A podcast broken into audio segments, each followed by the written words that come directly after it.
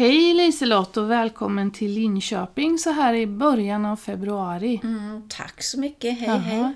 Men nu är det ju faktiskt så tycker jag att man märker av ljuset lite mer och det känns lite härligt. En aning, visst är det härligt? Ja. Och jag tycker bara vetskapen av att man är på väg åt det här hållet så gör att det känns lite lättare. Ja, och det kommer bli lättare att kom, komma ut och ta en Ja. promenad både på jobbet och hemma. Och, ja absolut. ja, vi har en fin årstid framför oss. Mm, det ja, har vi. Härligt. Väldigt bra. Är det bra med dig det här nya året nu då? Ja, men det tycker jag. Ja. Ja, växthuset vet du, där Ja, är det på gång nu. Det hägrar också förstås. Såklart. Så gör är det. Ja, så det är härligt. Mm. Ja. Och jag, vet, jag tittade häromdagen, till er som lyssnar så är det ju så att man kan se då hur många nedladdningar och sådär. Jag kommer ihåg när vi firade att vi hade haft tusen nedladdningar du och Ja. jag. Och så för ett tag sedan så passerade vi 8000 och det är ju helt fantastiskt. Det är ju fantastiskt. Mm. Ja, vad roligt att ni är så många som lyssnar på våra poddprogram. Ja, verkligen. Ja, mm. Och hoppas verkligen att det kan göra någon liten skillnad till det här demensvänliga eller upplysta samhället eller vad vi nu tänker att vi vill försöka bidra med. Ja, och när du säger det här med demensvänligt. Eh, det här är ett tag sedan, det var någon gång i januari, så hade SVT någon, någon liten blänkare ifrån Japan. Mm. Där man har startat en restaurang där de som jobbar har en demenssjukdom. Åh, Det lät ju lite spännande. Jag, jag såg inte inslaget men jag har sett någon rubrik om Ja, det där. Ja.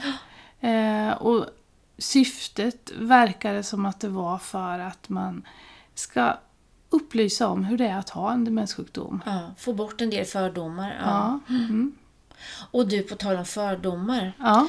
Eh, det var så här att igår faktiskt så satt jag på ett eh, café och så råkade jag höra vad de som satt bredvid pratade om och jag kanske har några speciella tentaklar ute när det gäller det här. inte vet jag, jag brukar väl inte tjuvlyssna kanske så mycket. Eh, Men då hör jag hur eh, det, var några väninnor tror jag. Mm. Eh, Och den ena förstod jag efter en stund berättade om sin, sin pappa att han hade en demenssjukdom eller hade haft för han var borta nu förstod jag. Eh, och hur det var och, och jag hörde henne lite prata om hur, hur svårt det var och hur han inte riktigt kändes vid det här. Och, och så frågade väninnan då hur, hur är det nu då för din mamma hon är ensam och då uttryckte hon sig typ så att ja, men just, han mådde så dåligt sista tiden så att eh, det, det känns som på ett sätt ganska skönt ändå nu. Mm. Men så säger hon en sak som jag skulle gärna vilja prata om idag, får se vad du säger om det. Mm. För det är ju så där, sa hon, att de där dementa, de blir ju rätt elaka de flesta. Mhm. Det är Eh. intressant vilken syn vi har på de där dementa. Ja, bara de, den där, de där första orden, precis som att det vore någon homogen grupp som får en demenssjukdom och som får samma demenssjukdom eller kognitiv sjukdom, vad vi nu ska välja att säga. Mm. Och alla blir arga. Ja. Ja, ja, tyvärr är det ju så att jag har hört det här förut. Ja, jag också. Och sådana klyschor som att de går i barndom och ja, mycket konstiga Mm. saker. Mm. Eh, men vad, visst finns det människor, jag vet inte, jag tror i alla fall inte att jag än har någon begynnande demenssjukdom, men jag är ilsken emellanåt. det kanske inte du är, Kerstin, Jo. eller? eh, det är ju inte förbehållet bara personer som har en kognitiv sjukdom eller Nej. får en demenssjukdom. Jag tänker framförallt på en av diagnoserna. Ja, Eh, där jag tycker att när man börjar prata om den så får man det här till sig att då har man ett sexuellt överdrivet beteende och man är arg. mm, Och då, är det, då tänker jag på diagnosen frontallobsdemens eller frontotemporal demens eller pannlobsdemens som, som är samma sak ja. för, Mm. för den diagnosen. Jag håller med dig, så är det ju ofta tycker jag när man frågar vad, vad är typiskt för det här? Ja, man blir si och så då. Mm. Men samtidigt om man frågar någon då så här, men har ni mött någon med frontallobsdemens som har varit så här arg eller som har varit så här sexuellt överdrivet så är det väldigt få som svarar ja på den Ja. frågan. Det blir en sanning. Ja, det gör det. Men då kan man, det, det kanske är det vi behöver prata om, för jag menar, de här symptomen känner ju säkert flera av er som lyssnar igen. Eh, antingen om man är personal eller om man är anhörig, att man får de här hämningarna släpper. Eller man blir Men om vi börjar, vad är frontalobsdemens? Ja, är, kan, vi, kanske, vi kanske ska Visst. börja där. Ja, du, du är smart. Du, du är klok du. Vill du börja och börja förklara lite? men vad jag- innebär det? Ja, det innebär ju att, precis som det låter, att man har skador som sitter frontalt Mm, i pannloben, alltså längst fram i hjärnan. precis. Och, och att där har vi ju mycket av vår planeringsförmåga, vår Mm. impulskontroll. Vår personlighet. Ja. Mm. För det finns ju många närstående som säger jag känner inte igen min man Nej. Mm. Han är på ett sätt som han aldrig har Nej, varit. visst.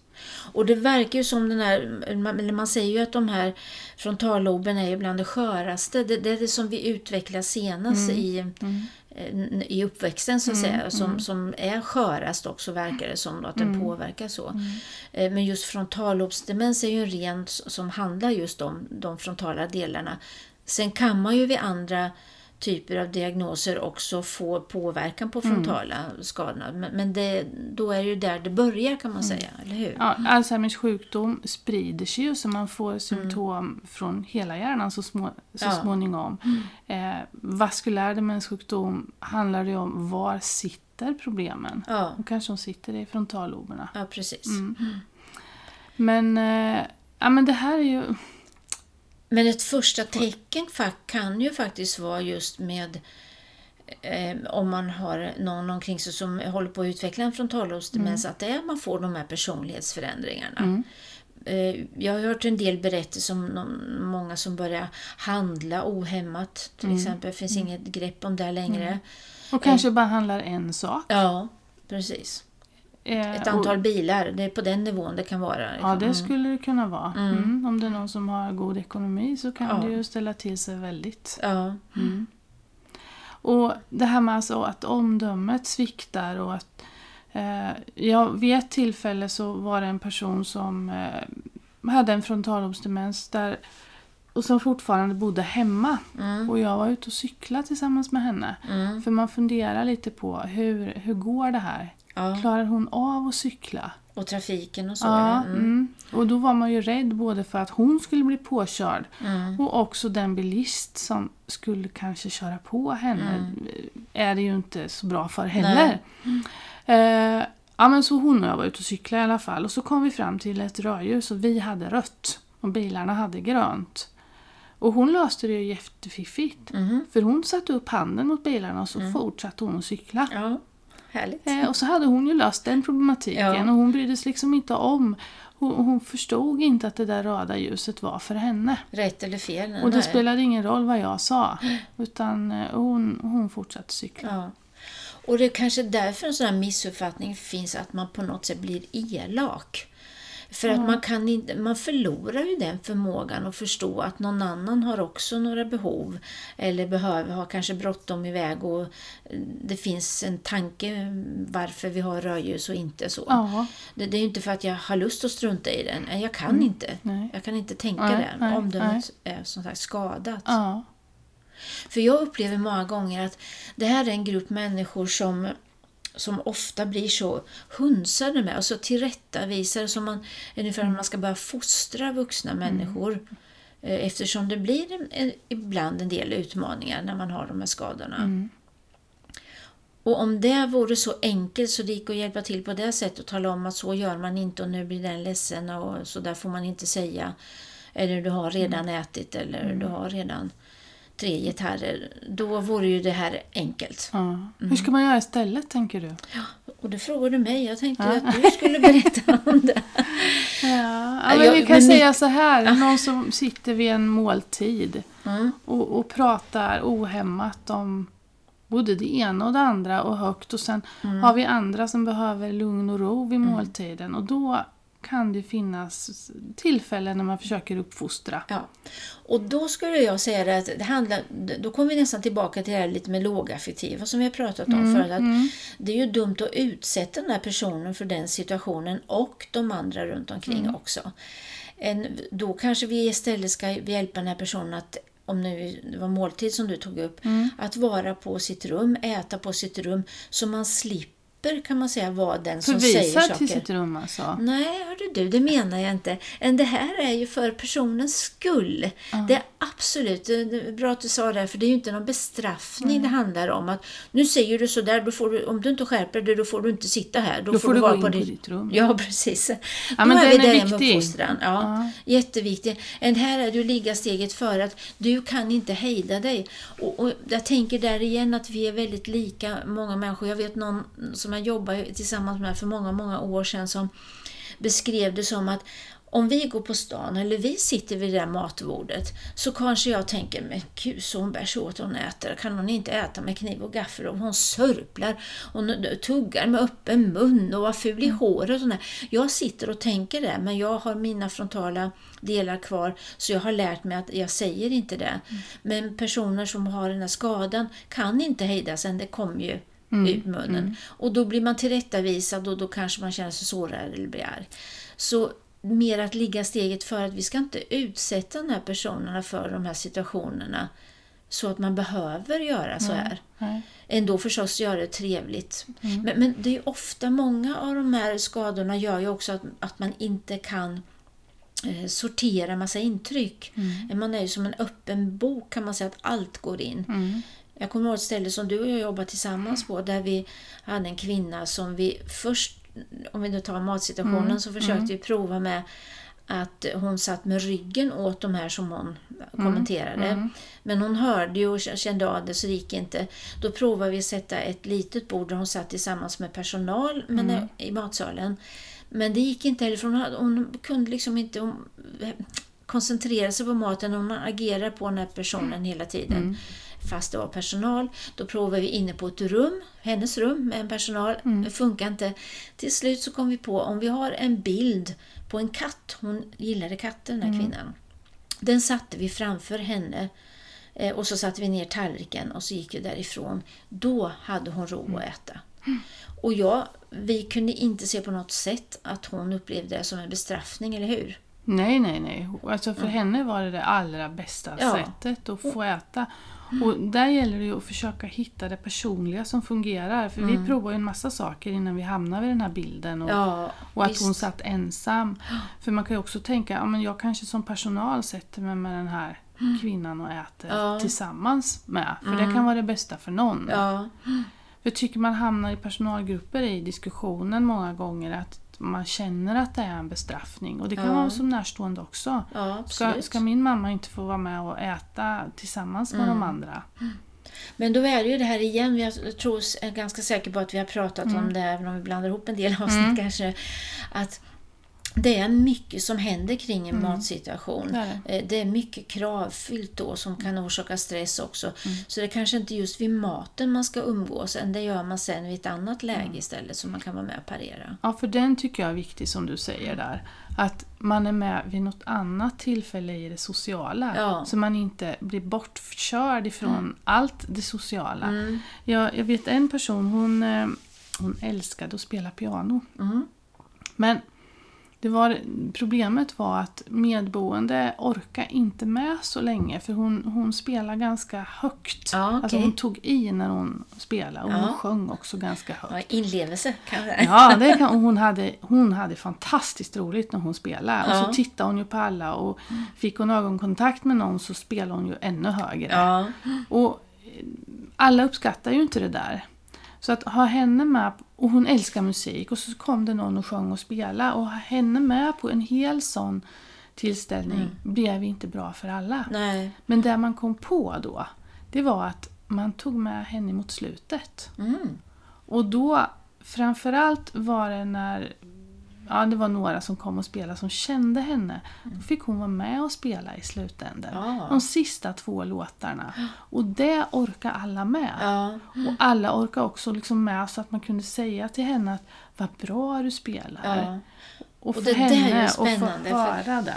För då får ju också de andra en, en annan bild av henne. Att Mm. hon inte bara blir den här besvärliga säga så. Och hon själv får bekräftelse då. Mm. För det hade varit mycket värre tror jag om man hade gått och varit med i början och så försöka ta henne Ja. därifrån. För det hade inte gått. Nej. Och då hade det blivit uppfostran det här att nu måste du gå. Det förstår du väl att du inte kan vara kvar Nej. här. Och, Mm. eh, nu valde man istället att göra tvärtom så man kom in på slutet.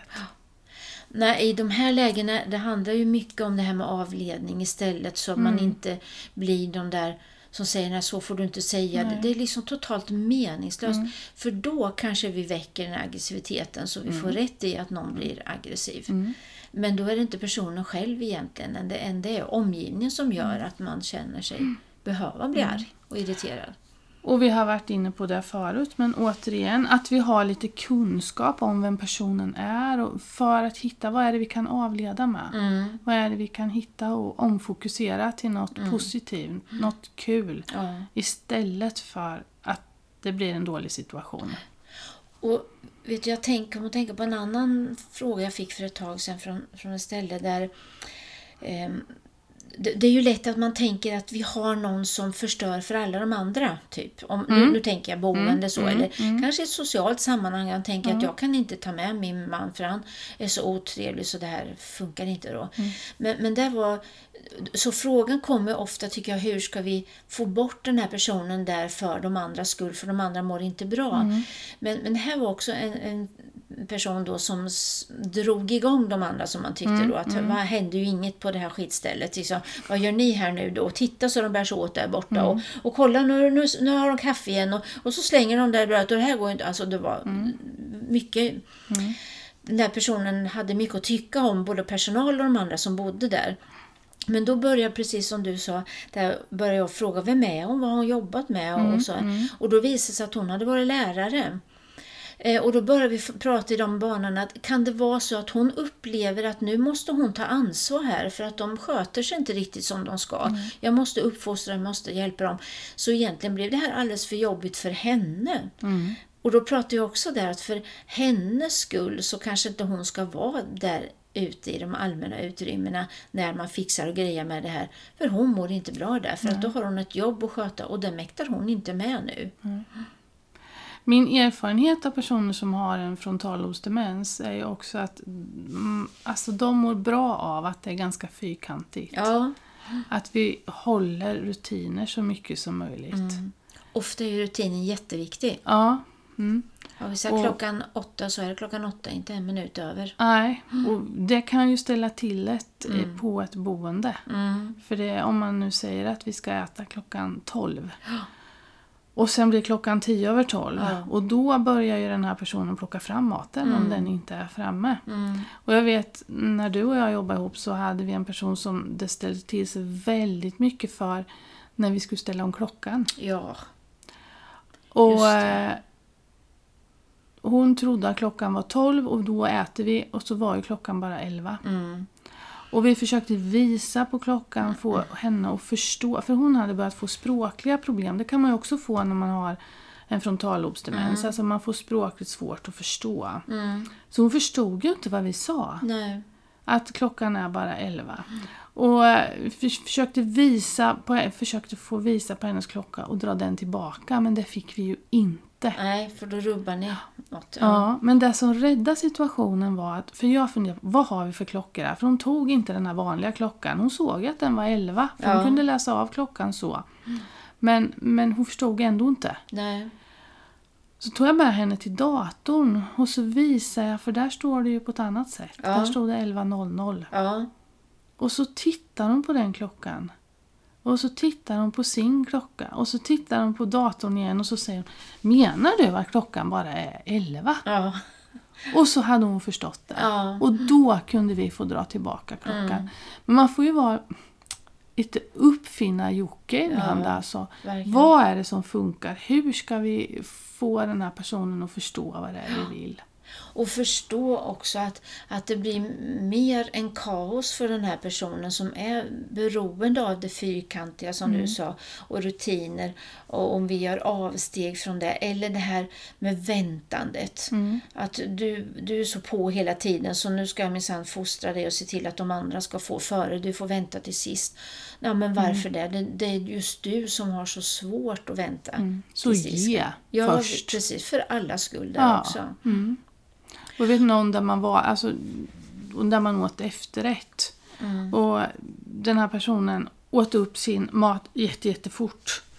Och just då var inte hon intresserad av efterrätten. Nej. Så hon gick ifrån en stund Ja. och så kom tillbaka. Och det var ju många som hade en åsikt om. Ja, så gör man inte. Nej, Nej. Det har väl också med fostran att göra. Det sitter djupt i oss det här Mm. naturligtvis. men det var det som funkade. Ja, Mm. Det är där vi måste titta på vad är det som fungerar för den här personen. Och så det blir minst... Ja, men vi har sagt det här förut, eller jag har sagt det här förut. Jag brukar fundera på, stärker det jag gör självkänslan nu? Mm. Eller sänker det självkänslan? För att vi håller på att uppfostra, inte stärker det självkänslan Nej. särskilt mycket. det får vi ju helt enkelt lägga ner när det gäller den här gruppen Mm. av personer som har en oförmåga. Mm. De, de, med bästa vilja i världen så är det omöjligt Mm. för dem att kunna hantera det. Men vi sa också inledningsvis att det, det här sexuella pratar man också Ja. om. Jag kanske ska säga något om, om det också. Och, och som, jag tänker att det är ju en av våra starkaste drifter med det här med mat och med sex. Och det är ju ganska förstås logiskt egentligen om man tänker med sjukdomen att det också blir hämningslöst då. Mm, mm. Att jag kan inte veta eh, vad som är rätt eller fel eller vem jag ska fråga eller vem jag ska ge en invit till. Och där tror jag att man som personal behöver, om vi nu tänker att det är mycket personal som vill lyssna just nu då, eh, eller som vi vänder oss till precis som det här, att verkligen jobba med sig själv så vi inte blir de där som visar någon slags äckel, avsky eller vad det kan vara. För med all respekt så är det ju det mest privata, så att det väcker känslor i oss. Men du pratade om det här fyrkantiga förut och det förespråkar jag väldigt mycket där att alla bestämmer sig för att göra likadant. Säga ungefär likadant. Om det är en hand som tar någonstans den inte ska, vänligt men bestämt ta bort den. Jag vill inte att du gör så. Inte några förklaringar att jag är gift, jag jobbar här, du är gift eller vad det nu är. Eh, För där igen, det kan man inte ta in och förstå. Men jag kan visa tydligt med ett respektfullt sätt att nej, jag vill inte att du gör så. Och kanske ta bort en hand eller vad det nu är. Och ibland tror jag att det är så här, när någon frågar mig som har de här frontala skadorna och frågar mig om jag vill ha sex. Mm. Så är det ungefär som om jag frågar den personen om han vill ha kaffe. Ja, precis. Och då får jag svara ungefär likadant. Ja. Så att nej tack.